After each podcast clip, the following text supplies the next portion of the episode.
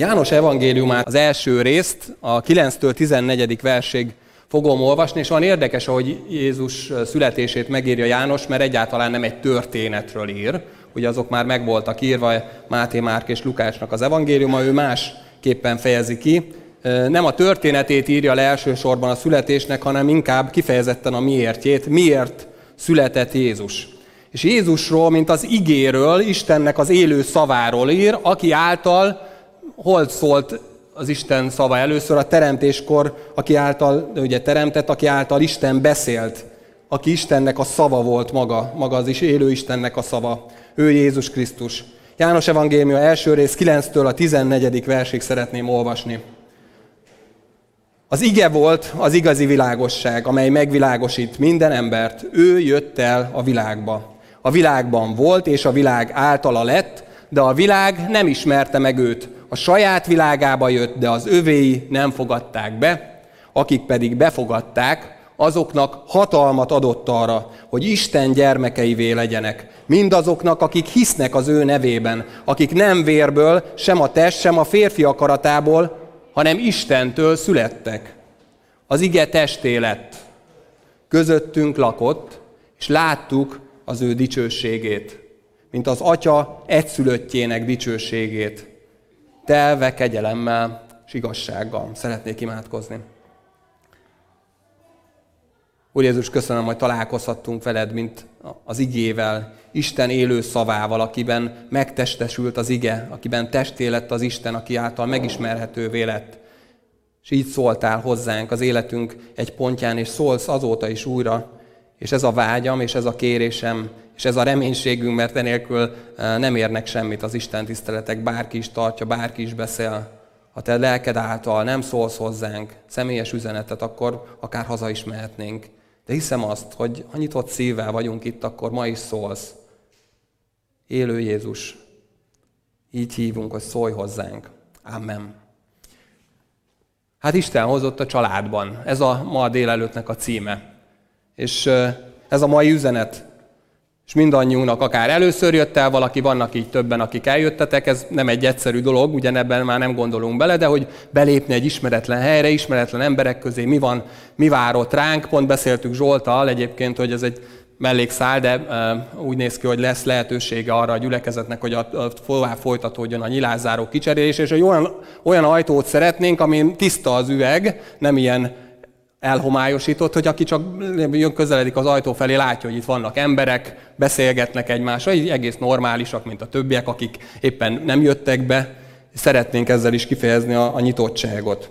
És nem olyan könnyű bejönni, de jó egy újra találkozni is, aki, akikkel már régen találkoztunk, vagy meglátogattunk, vagy találkoztam némelyiketekkel, például amikor covido, covidosak voltatok, és aztán mivel én is megéltem azt, hogy milyen nagy öröm volt, hogy valaki egy süteményt hozott, én nem is gondoltam, hogy ez akkora nagy öröm, amikor éppen covidos vagy, hogy én is elhatároztam, hogy akiről tudok, hogy covidos lesz, valamit viszek, és, de jó, jó jönni. Isten hozott a családban. Örülünk, hogy te is benne vagy.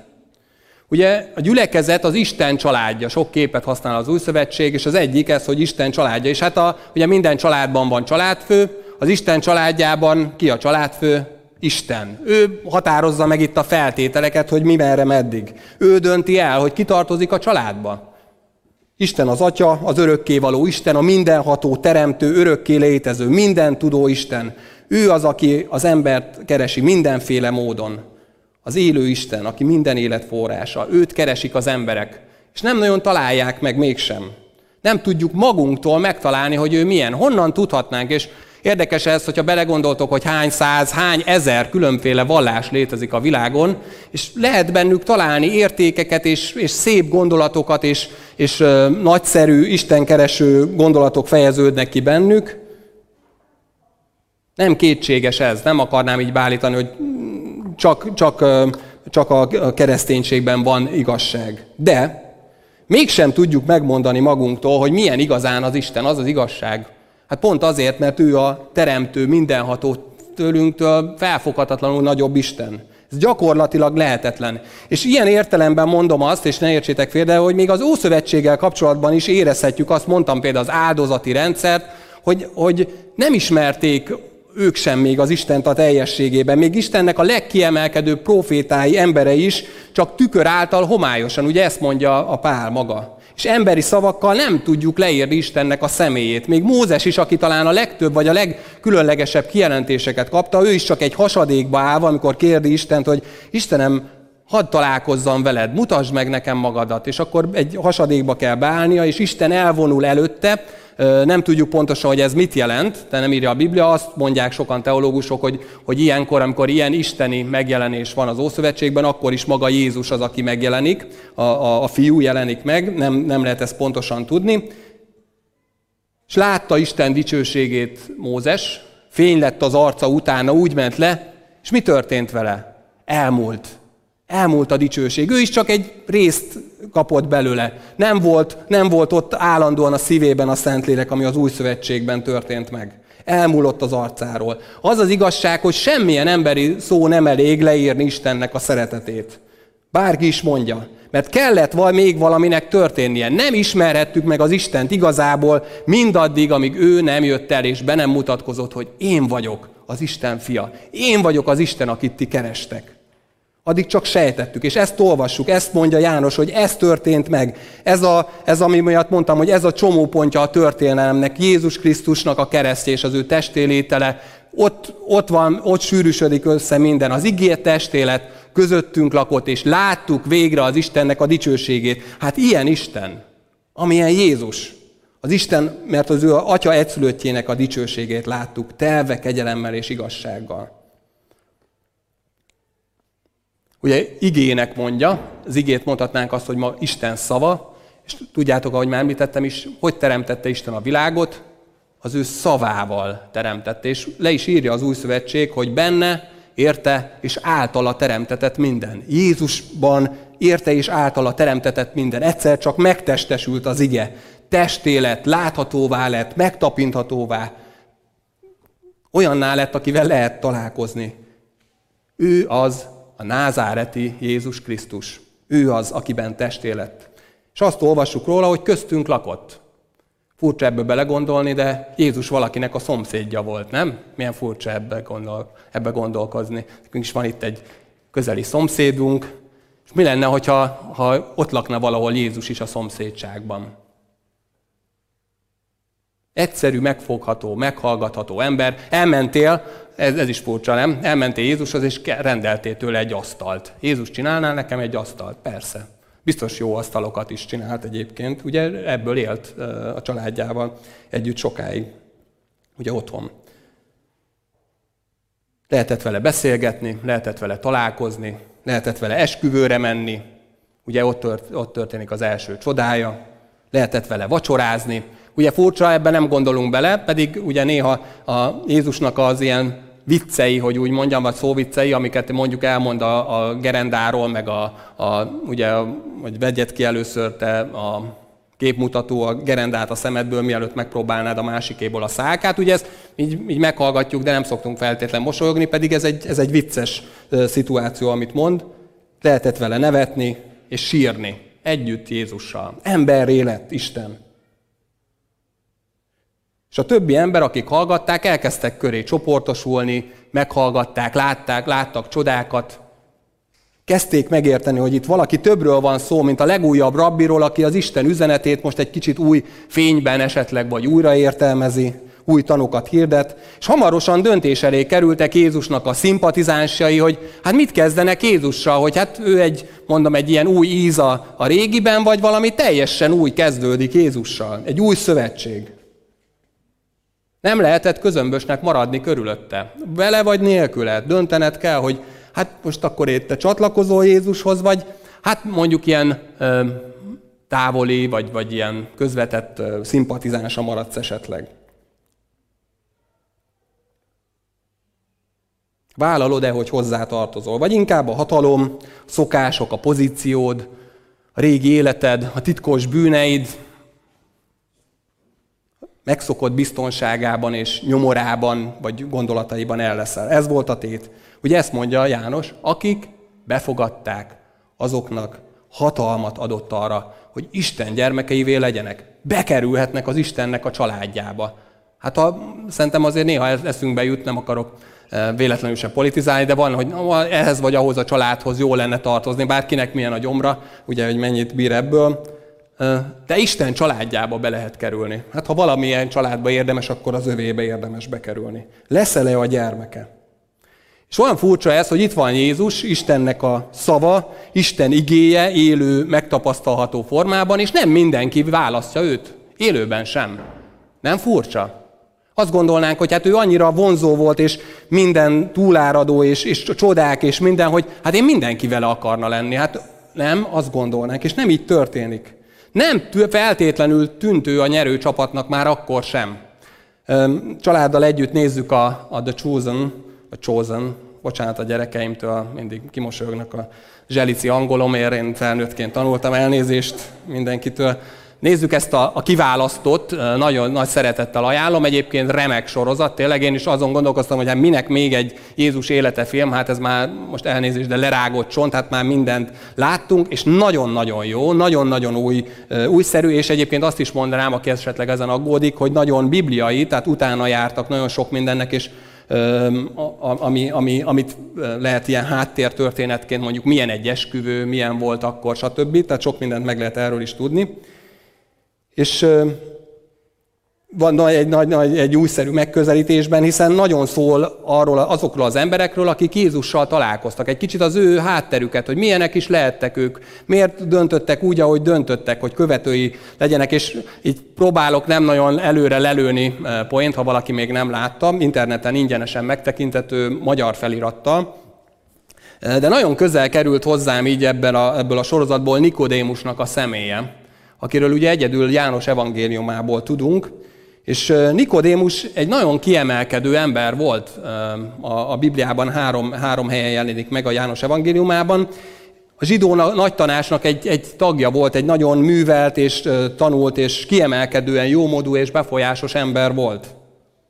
És ki is derül tényleg, tehát most én nem a sorozatból idézek, hanem az igében néztem meg, hogy mit tudunk Nikodémusról. És nem csak a János 3-ban van ez a nagy találkozása Jézussal, hanem még két alkalommal megemlíti János Nikodémust. Az egyik az, a kilencedik részben azt olvassuk, hogy egy alkalommal ott vitáznak a nagy tanács arról, hogy Jézussal mit kezdjenek, mit tegyenek, és akkor képzeljétek el, nézzétek meg, János 9-ben írja le, hogy Nikodémus felszólal Jézus mellett, és ugye bátortalanul vagy bátran azt a kísérletet mondja, hogy hát figyeljetek, hát meg kéne őt előbb hallgatni, nem mondjatok róla így elhamarkodottan ítéletet, hallgassátok meg, hogy mit mond Jézus, és hát ez nem volt veszélytelen, ugye föl is teszik neki a kérdést, hogy hát Nikodémus, csak nem te is galileai vagy, te is talán valami titkos követője vagy, vagy mi, mi van veled Nikodémus, nem voltál te ilyen? És aztán én Nikodémus neve még egyszer előkerül, Jézus halála után, a temetésekor az olajat Jézus temetéséhez Nikodémus hozza. 100 font ára olajat, aloéval, vagy aloe, nem, ez nem az aloe, az most van. Mi ez? Mirhával és valamivel kevert olajat. A Jézusnak a temetéséhez, a bebalzsamozásához Nikodémus adja. Ő, hát az egy nagyon drága dolog volt, ő neki volt erre anyagi forrása is. Tisztelte Nikodémus Jézust, és szerette, azt kell, hogy mondjam. Ez derül ki. Tisztelte és szerette Jézust. De csak távolról. Nem került be a családba. Sose került be. Vagy amennyire mi tudjuk.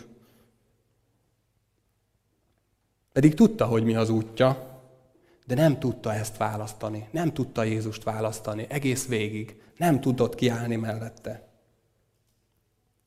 És azért van ez így, mert az Isten családjába, és itt írja le János, egyetlen módon lehet bekerülni. Nem lehet belenőni, nem lehet így belefejlődni, hogy hát egyre jobban sikerül, és akkor hú, hány embertől hallottam már ezt, hogy Endre, hát igen, én szeretnék megtérni, vagy bemerítkezni, csak van még ez az egy-két dolog, ezt így szeretném kiavítani az életemben, és azt, azt kiavítom, akkor, akkor, majd, akkor majd megtérek. És azóta is kívül van, van most, aki eszembe jutott ez az ember, és nem tudott megtérni. Mert abban reménykedik még mindig, vagy azt, azzal hiteti magát, hogy hát még csak egy-két dolog van, amit ki kéne javítani. Addig próbálkozni, ugye, amíg végül nem sikerült tökéletesen. És nem lehet bevásárolni magunkat, és bármekkora áldozatot hozott Jézusért Nikodémus a száz font ára kenet, nem tudta magát bevásárolni Isten országába. És nem is lehet sem sok gondolkodás és fejlődés és istenkeresés után egyszer csak megvilágosodni, és ah, most már értem, he, minden, minden rendben, most már, most már tudom, mitől, mi, mi az igazság. És az sem megy, hogy, hogy kellően sokáig kitartóan kutatja az igazságot valaki, vagy elutazik valami távoli helyre, ahol a, a nagy emberekkel, vagy különleges gurukkal lehet találkozni, és akkor majd végül egyszer csak megtalálod az igazságot. Mennyi ember keresi jobbra-balra, nem akarok most konkrét neveket, meg személyeket mondani. Nem lehet egyikkel sem célba érni. Mert itt van az igazság és a megoldás Jánosnál. Olvassátok újra a 12-13. verset akik pedig befogadták, azoknak hatalmat adott arra, hogy Isten gyermekeivé legyenek. Kiknek? Mindazoknak, akik hisznek az ő nevében. Akik nem vérből, sem a test, sem férfi akaratából, hanem Istentől születtek. Azok kerülnek a családba, akik hisznek Jézus nevében, akik nem vérből, nem test, nem férfi akaratából, hanem Istentől születtek. Itt a vállalat. Ezért lehetünk Isten családjában, ha már benne vagyunk, és hogyha az a kérdésed nem vagy még benne, hogy hát hogy lehet bekerülni az Isten családjába, hát így lehet bekerülni. Két lépés van itt, nagyon egyszerű két lépés. Mit, mi az egyik? Hogy? Higgyél Jézus nevében. Hinni Jézus nevében. De van még egy másik is, mert ugye valamikor azt mondjuk, hát meg kell csak térni, beívod Jézus az életbe, de nem, valaminek még történnie kell. Ez önmagában, ez csak az emberi oldala, ezt, ezt itt valamilyen szempontból én azt gondolom, hogy mindig, mindig Istennél van a kezdeményezés, de végül egy embernek ezt ki kell mondani, vagy kimondhatja, hogy megtérek, hogy Jézus beívom az életembe, de kell még valaminek történni. Istentől kell születni, újjá kell születni, új életre, új szívre van szükségünk. És nagyon érdekes ez, hogy pontosan Nikodémus az, és ezért is egy központi személyű azért János evangéliumában, mert pont azzal kezdi János, amit aztán Jézus Nikodémusnak magyaráz el hogy mit is jelent ez harmadik részhez, ha odalapoztok, ott olvassátok, én ezt nagyon sokszor szoktam ilyen alapozókon is hozni, a János 3, mert szerintem valahol ez, ez egy rendkívül fontos, pont ezt fogalmazza meg Jézus a Nikodémussal való kapcsolatában, vagy beszélgetésében, amikor ott van ez az, ez az ember, aki nagyon sokat tud, nagyon értelmes, látja az összefüggéseket, a, ismeri az Ószövetséget, egy istenfélő ember, istenkereső, és sok pozitívat el lehet róla mondani, és, és bátor ahhoz is, hogy Jézussal szobáljon, szemben sokakkal, akik szintén ben voltak a nagy tanácsban, és lehet, hogy voltak, Jézusnak már egyébként biztos, hogy volt, például József is egy ilyen ö, szimpatizánsa volt, és azt mondja Nikodémusnak, amikor beszél így az Isten kereséséről, figyelj Nikodémus, ha valaki nem születik újonnan, soha nem látja meg az Isten országát. Soha nem fogja meglátni. És aztán el is, el is mondja, hogy mit jelent benne hinni, ahogy a Mózes felemelte a kígyót a pusztában, úgy kell az emberfiának is felemeltetnie, hogy aki hisz, annak örök élete legyen benne, mert úgy szerette Isten a világot, hogy egyszülött fiát adta, hogy aki hisz ő benne, el ne vesszen, hanem örök élet le, le, legyen. És nincsen más mód. És nem akarom elmondani ezt a történetet, teljesen már sokszor elmondtam, de ez egy kulcs kulcs történet azzal, kép, azzal kapcsolatban, hogy megértjük, hogy megértsük, hogy mi történt a kereszten, és mit jelent Jézusban hinni.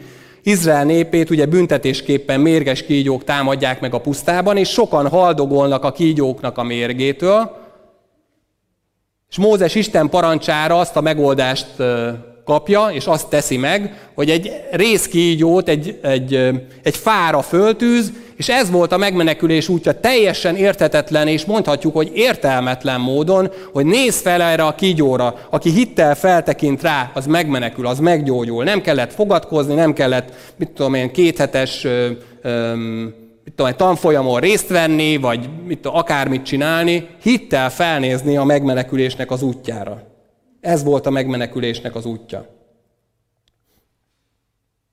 Nincs más mód. Nem tudunk semmit sem tenni a megváltásunkért. Ez, ez amit mondtam, ez, ezért nem lehet belenőni, beleszületni egy családba, ahol hívők szintén az emberek. Nem elég. Nem tudunk más tenni, mint felnézni hittel a megváltóra. Ezért fontos ez, amiről énekeltünk. Áll még a kereszt, és felnézhetsz ma is Jézusra, aki érted halt meg. hogy Ézsaiás írja, hogy a legjobb cselekedeteink is csak szennyes ruha az Isten előtt. És itt egymásnak lehet itt ezzel most elnézést, jó benyomást kelteni, jaj, de rendes ember, és lehet, hogy nektek is mondtak ilyeneket, hogy a, mit tudom én, és le, megfogalmazhatjuk magunkat így, hogy hát azért vannak, vannak elég sokan, akihez képest egész normális életet élek. Azt mondja a Izsaiás, a legjobb cselekedeteink is csak szennyes ruha az Isten előtt, mert Isten nagyon jól látja a legrosszabb gondolataimat, a legrosszabb motivációmat, a büszkeségemet, vagy éppen bármit, mindent lát. Ő Isten gyógyszere az életemre, a bűneimre. Nem magamat kell, hogy megváltsam, mert úgyse tudom. Ha ki hisz, annak örök élete legyen, ezt mondja. Ez a megtérés, ez az érme egyik oldala. De hogy itt, itt is olvassuk, mert sokszor erről beszélünk többet, de van egy másik oldala is, az újjászületés, az új élet. A megtérésre válaszul Isten valamit tett az életünkben, akik átéltétek már ezt, ti is tudjátok, ugye? Valamit tett, valami eldőlt bennem, és valami elkezdődött, mint egy kicsi mag, a, a, ami elkezd csírázni, elkezdett növekedni, és lehet, hogy ez nem látványos, ezt mások észre se veszik, de én észreveszem azt, hogy hát megváltozott a szívem, már nem, nem, nem tudok úgy gondolkodni, mint előtte. Például zavar a bűn, vagy, vagy, és nem másokban, mert ugye pont ez különbözteti meg a képmutatót, amivel ugye Jézus kapcsolatban rengeteg vitája van. Ugye a, a képmutatót is zavarja a bűn, de leginkább ugye másokban, hogy hát ő is ilyen, most, és, azt, és így tovább. Aki, aki újjászületett, az magában zavarja, amit magában lát. Nem tudjuk megmagyarázni, én sem tudok erről ilyen nagy öm, dolgokat mondani, de látjuk az eredményét. Jézus mondja ezt Nikodémusnak, hogy olyan a Szentlélek, hogy, hogy mint a szél, hogy nem látod a szelet, de látod a, a következményét, hallod az úgását akik befogadták, hatalmat adott arra, hogy Isten gyermekeivé legyenek, mindazoknak, akik hisznek az ő nevében, akik nem vérből sem, tessen férfi akaratából, hanem Istentől születtek. Az Isten családjába csak beleszületni lehet. Így lehet bekerülni. Isten egy új életet ad. Ha szeretnél bekerülni, ezt kell, hogy átéld. Így kerültünk be mi is Isten családjába, csak kegyelemből, csak hitáltal. Úgyhogy Isten hozott a családban. Így lehetünk benne, mindannyian, csak kegyelemből. És ha már családban vagy, akkor van egy legfontosabb szolgálatod neked is, és ezt most tényleg mindenkire szívesen eh, rábíznám, így ebbe az évben is, amiről az év első vasárnapján beszéltem, és majd lehet, hogy újra megosztom, hallgassátok akár meg, hogyha van időtök erre a héten, mert ez a program, hogy úgy mondjam erre az évre, nem az, hogy milyen rendezvényeket szervezünk, majd esetleg nem. Emlékszik valaki, mi a program erre az évre? Nem sértődök meg, én most én is megnéztem, de hogy mi volt, hogy arról ismeri meg a világ, hogy tanítványaim vagytok, hogy szeretitek egymást. Hát ez a program, hogy szeres. Ezt mondta Jézus. Ez a missziónak az alapja. Erről fogja megismerni a világ, hogy a tanítványaim vagytok, és úgy, ahogy mondtam, hogy szeress úgy, mint Jézus. Több időt másokkal fejez ki valóságosan a szeretetedet, ne csak virtuálisan. Találkozz a testvéreiddel, csatlakozz be egy házi csoportba, vagy kezdjetek egy imacsoportot, lehet, hogy valakivel csak ketten, ahol rendszeresen imádkoztok egymásért, vagy éppen süss egy süteményt, ha tudsz finom süteményt, én ezt nagyon támogatom, ez egy nagyon nagyszerű kifejezése a szeretetnek, úgyhogy bátran. Vagy imádkozz egy-egy családért, akár minden nap. Majd hallhattok ezzel kapcsolatban egy konkrét felhívást Ákostól nem sokára.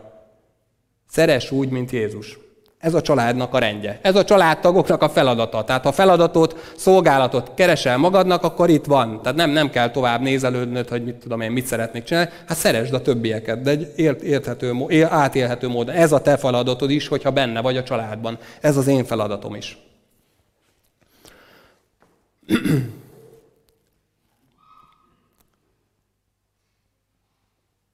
Lehel hívta föl a figyelmemet rá, éppen egyház történelmet tanult a, a Tiszienben, és egy, egy esetre, harmadik századnak az első felében a legtöbb császár elég alkalmatlan volt, nem voltak túl erős császárok. Volt egy, egy ilyen értelme kivételes császár, Decius, aki ugyancsak három évig uralkodott, de eléggé érdekelte ténylegesen a birodalomnak a sors, és próbálta volna megújítani a római birodalmat, ugye hát azért akkor már túr volt a csúcson, és arra gondolt ő, hogy, hogy ki kellene engesztelni a régi állami isteneket, hogy úgy mond, És ezért a birodalom minden állampolgárának nyilvánosan imádnia kell ezeket az állami isteneket, és aki ezt megtette, akkor arról kapott egy ilyen igazolást, Libelliusnak, Libellusnak nevezték, hogy hát ott voltál, te is bemutattad az áldozatot a pogány isteneknek. És az az igazság, hogy sok keresztény is megroppant az állami nyomás alatt, és beszerezte a maga igazolását ebben az időszakban. Aztán voltak más keresztények, akik, meg vezetők, püspökök is, akik inkább száműzetésbe vagy rejtek helyekre menekültek. Megint mások tényleg nem mutattak be áldozatot, hanem képzeljétek, már akkor is lehetett ilyet, beszerezték a fekete piacon az igazolást, nem tudom, hogy ismerőse. És egyszerűen azt állították, hogy ők áldoztak. Bemutatták az áldozatot, hát itt a papíron van róla, már bárki megnézheti. És az üldözés ugye 250-ben kezdődött, és a következő évben be is fejeződött, mert hát úgymond ilyen értelemben szerencsés módon a gótokkal vívott harcában meghalt Decius, elment harcolni, és hát meghalt. És akkor szembe kellett nézni az egyháznak egy nagyon furcsa kérdéssel, vagy nagyon nehéz kérdéssel, hogy mi történjék azokkal, akik keresztényként bemutatták ezt a pogány isteneknek ezt az áldozatot, és mondhatjuk úgy, hogy megbotlottak a hitükben, ezeket nevezték lapsiknak, nem mint akik elestek. És ugye ez nagyon nehéz kérdés és kényes kérdés volt, mert egy csomó, volt, egy csomó mártír is volt, aki inkább meghalt a hitéért, és megtagadta ezt, hogy ő áldozatot mutasson be. És voltak olyanok is még nagyobb számban, akik vállaltak akár, képzeljük el, hogy ott voltak ezek mellett, akik így megtagadták, vagy így beadták a derekukat, vagy beszerezték ugye az igazolást ilyen vagy olyan módon, akik pedig megvalották a hitüket, és vállaltak kínzásokat, és túl is élték. Őket nevezték, ugye, vagy éppen voltak, akik meghaltak, de valakik túlélték, őket nevezték ugye konfesszoroknak, ilyen hitvallóknak. Most képzeljétek el utána, hogy mi volt ebben a helyzetben. Mi legyen, az, mi, mi legyen. Miután véget ért az üldözés, ez volt a kérdés. Mi legyen a lapsiknak, az elesetteknek az ezreivel, akik vissza akartak térni az egyházba? Ti mit mondtatok volna? Mi mit mondtunk volna? Ugye többféle alapon álltak a keresztények, voltak ilyen kemény vonalasok, akik azt mondták, hát az ilyen bukott embereknek a viselkedését hitehagyásnak kell tartani, megtakadták a Krisztust, ez a legsúlyosabb bűn, Egyféleképpen lehet eltávolítani ezt a bűnt, mégpedig úgy, hogy az egykori hitehagyó mártír halált hal, és bebizonyítja, hogy ő nem hitehagyó, hanem ő tényleg Jézusért meghalni is képes. Ez volt az egyik szélsőség, és volt egy másik érdekes. Ott voltak azok, akik engedékenyek szerettek volna lenni. És tudjátok, kik voltak ezek az emberek, akik a legengedékenyebbek voltak? A legtöbb hitvalló konfesszor, aki majdnem a mártíromságig jutott, ebbe a kategóriába tartozott, mert átélték a kínzások borzalmait, és valószínűleg tudták, hogy milyen keskeny volt a határvonal a kitartás és a behódolás között. És azt mondták, hogy csak az Isten kegyelme volt, hogy nem adtam fel én is. Csak az Isten kegyelme volt. És úgy érezték, hogy pont ezeknek az elesett embereknek van a legnagyobb szükségük a pásztorlásra. Hogy vissza kell kerülniük a gyülekezetbe, hiszen szükségük van arra, hogy lelkileg növekedhessenek.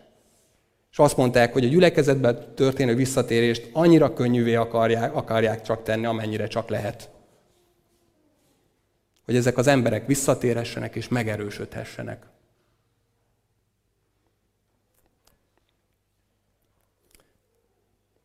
És hadd hirdessem azt mindannyiuknak, hogy bárhogy is éltük meg ezt a az egyéves időszakot. Hát sok nehézség volt benne, én is megértem benne azért elég eh, komoly mélységeket, meg aggódást a jövővel kapcsolatban, hogy fog lealakulni, vagy akár mai nappal ki fog egyáltalán ide ma eljönni. Hogy megnézted-e az összes Isten tiszteletet, és akkor ide csinálnánk egy ilyen listát, és akkor be lehetne pipálni, hogy ki látott mindegyiket, aztán mondjuk esetleg bepótoljátok a következő hetekben vagy nem így volt, vagy sikerült tartanod, és néhány testvéreddel legalább tartottad a kapcsolatot, vagy akár a házi csoporttal, vagy online, aki, aki ügyesebb, vagy szereti ezt, vagy telefonon, tudom, hogy sokan tettétek. Vagy a helyzetnek a nyomása alatt, amiben benne voltál, te és nem így sikerült az az igazság. Nem így sikerült, és, és, és nem, nem ment ez. És hadd hirdessem ezt mindannyiunknak, hogy kegyelemből van itt mindenkinek a helye. Akárhogy éltük meg ezt az időszakot. Úgyhogy szeretettel szeretettel hívlak így is ebbe a családba. Isten családjába. Itt a helyet köztünk, bárhogy is éled meg, vagy akár most is éled meg ezt az időszakot kétségek meg remények között. És hozzak a végén még egy bibliai szemét, aki most ebbe a, a sorozatban, most ki sem mondom a nevét, aki választott, így kimondom, a sorozatból közel került nagyon hozzám, és nagyon megelevenedett a samáriai asszony. Ki, ki az, aki látta már ezt a részt a, esetleg a Chosenből? A, a, nagyon érdemes, nem csak ezt nézzétek az elejétől. És ugye bemutatja ennek az asszonynak a hátterét a samáriai faluban, ahol él, ugye a, a ötödik párjával él együtt, nem tudott a negyedik férjétől sem elválni, egy megvetett életet él, mert ez, ez akkor teljesen elfogadhatatlan dolog volt, és bárki, akivel ott találkozik a piacon, itt-ott, ott szinte rá se néznek, és nem foglalkoznak vele.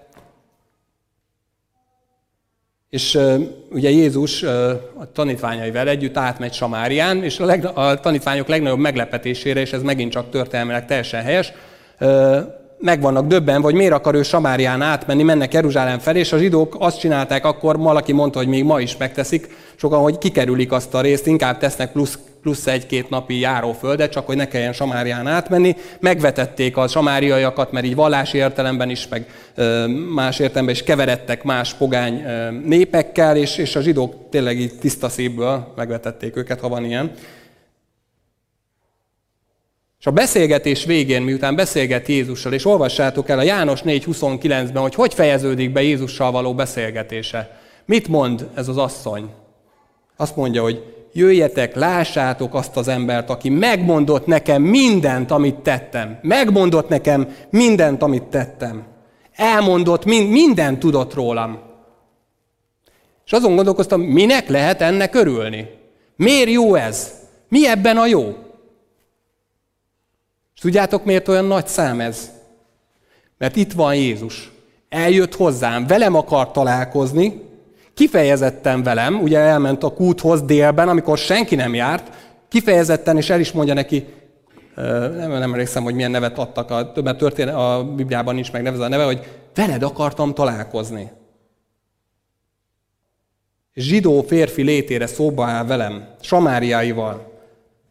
És eljött Jézus, és beszélgetett velem, és tudjátok, mi derült ki? Hogy ismer, minden tud rólam, nem kell letagadnom, és az az igazság, hogy mindenki más, aki eddig egy kicsit is megismert, és megismerte a, a visel dolgaimat, és megtudta, hogy ki vagyok valójában, az került engem. Megvetett és utált. És itt van most Jézus, a messiás, a szabadító. Minden tud rólam. Minden tud. És mégis szeret. Mégis szeret engem. És ez a kegyelem. Ezt mutatja be. Újra mondom, mert az Isten családjába nem lehet máshogy bekerülni, bele kell születni. Hit Jézus Krisztusban, újjászületés által lehetünk ennek a részesei. Isten hozott a családban, így kerültünk be. Téged is, meg engem is. Isten hozott ebbe a családba. Nem küzdöttünk meg érte, nem mi szereztük meg magunknak, nem belenőttünk. És tudjátok, az az érdekes, hogy generációkra kihat aztán, ha választod Jézus Krisztust. Múlt vasárnap 9 órára jött ide egy fiatal hölgy, úgy egyébként, mint kiderült a beszélgetés közben, hogy reggel ötig dolgozott egyébként, tehát ilyen éjszakai műszakban. Mondtam is neki, hogy hú, mondom, ha mondtad, én nem tudtam, nem mondta előre, mondtam, hogy jöjjen el az Isten tisztelet előtt egy órával, és beszélgessünk. És beszélgettünk vele, beszélgettem vele a könyvtárban, és elmondta, hogy Jézust keresi, benne látja a megoldást. Minden más tanácsal szemben, mindenki azt mondja neki a családjába, hogy át, ez fölösleges ezzel foglalkozni, de ő tudja, és leírta még már előre az e-mailben, hogy tudja, hogy a problémáira egészen biztos Jézusban van a megoldás. És tudjátok, miért gondolja ezt? Van egy olyan emlékképe, három-négy éves korából, hogy az ő déd nagymamája, aki egyébként egy hívő baptista asszony volt, a déd nagymamája, hogy ő vele imádkozott. Őt imádkozni tanította. És úgy tűnt, lehet, az az igazság, hogy generációkon keresztül, hogy hát ennek az imádságnak semmi hatása nem volt. Hol van? Nem hitt Jézusban azután a déd nagymama után más senki. De az ima az nem hullik a porba, nem múlik el. Jézus mondta, Isten meghallgat, és válaszolni fog az imádságodra. Jézus teljesen ismer engem. Elmondott mindent, amit tettem. És mégis ő lett a megváltom. Mégis szeret.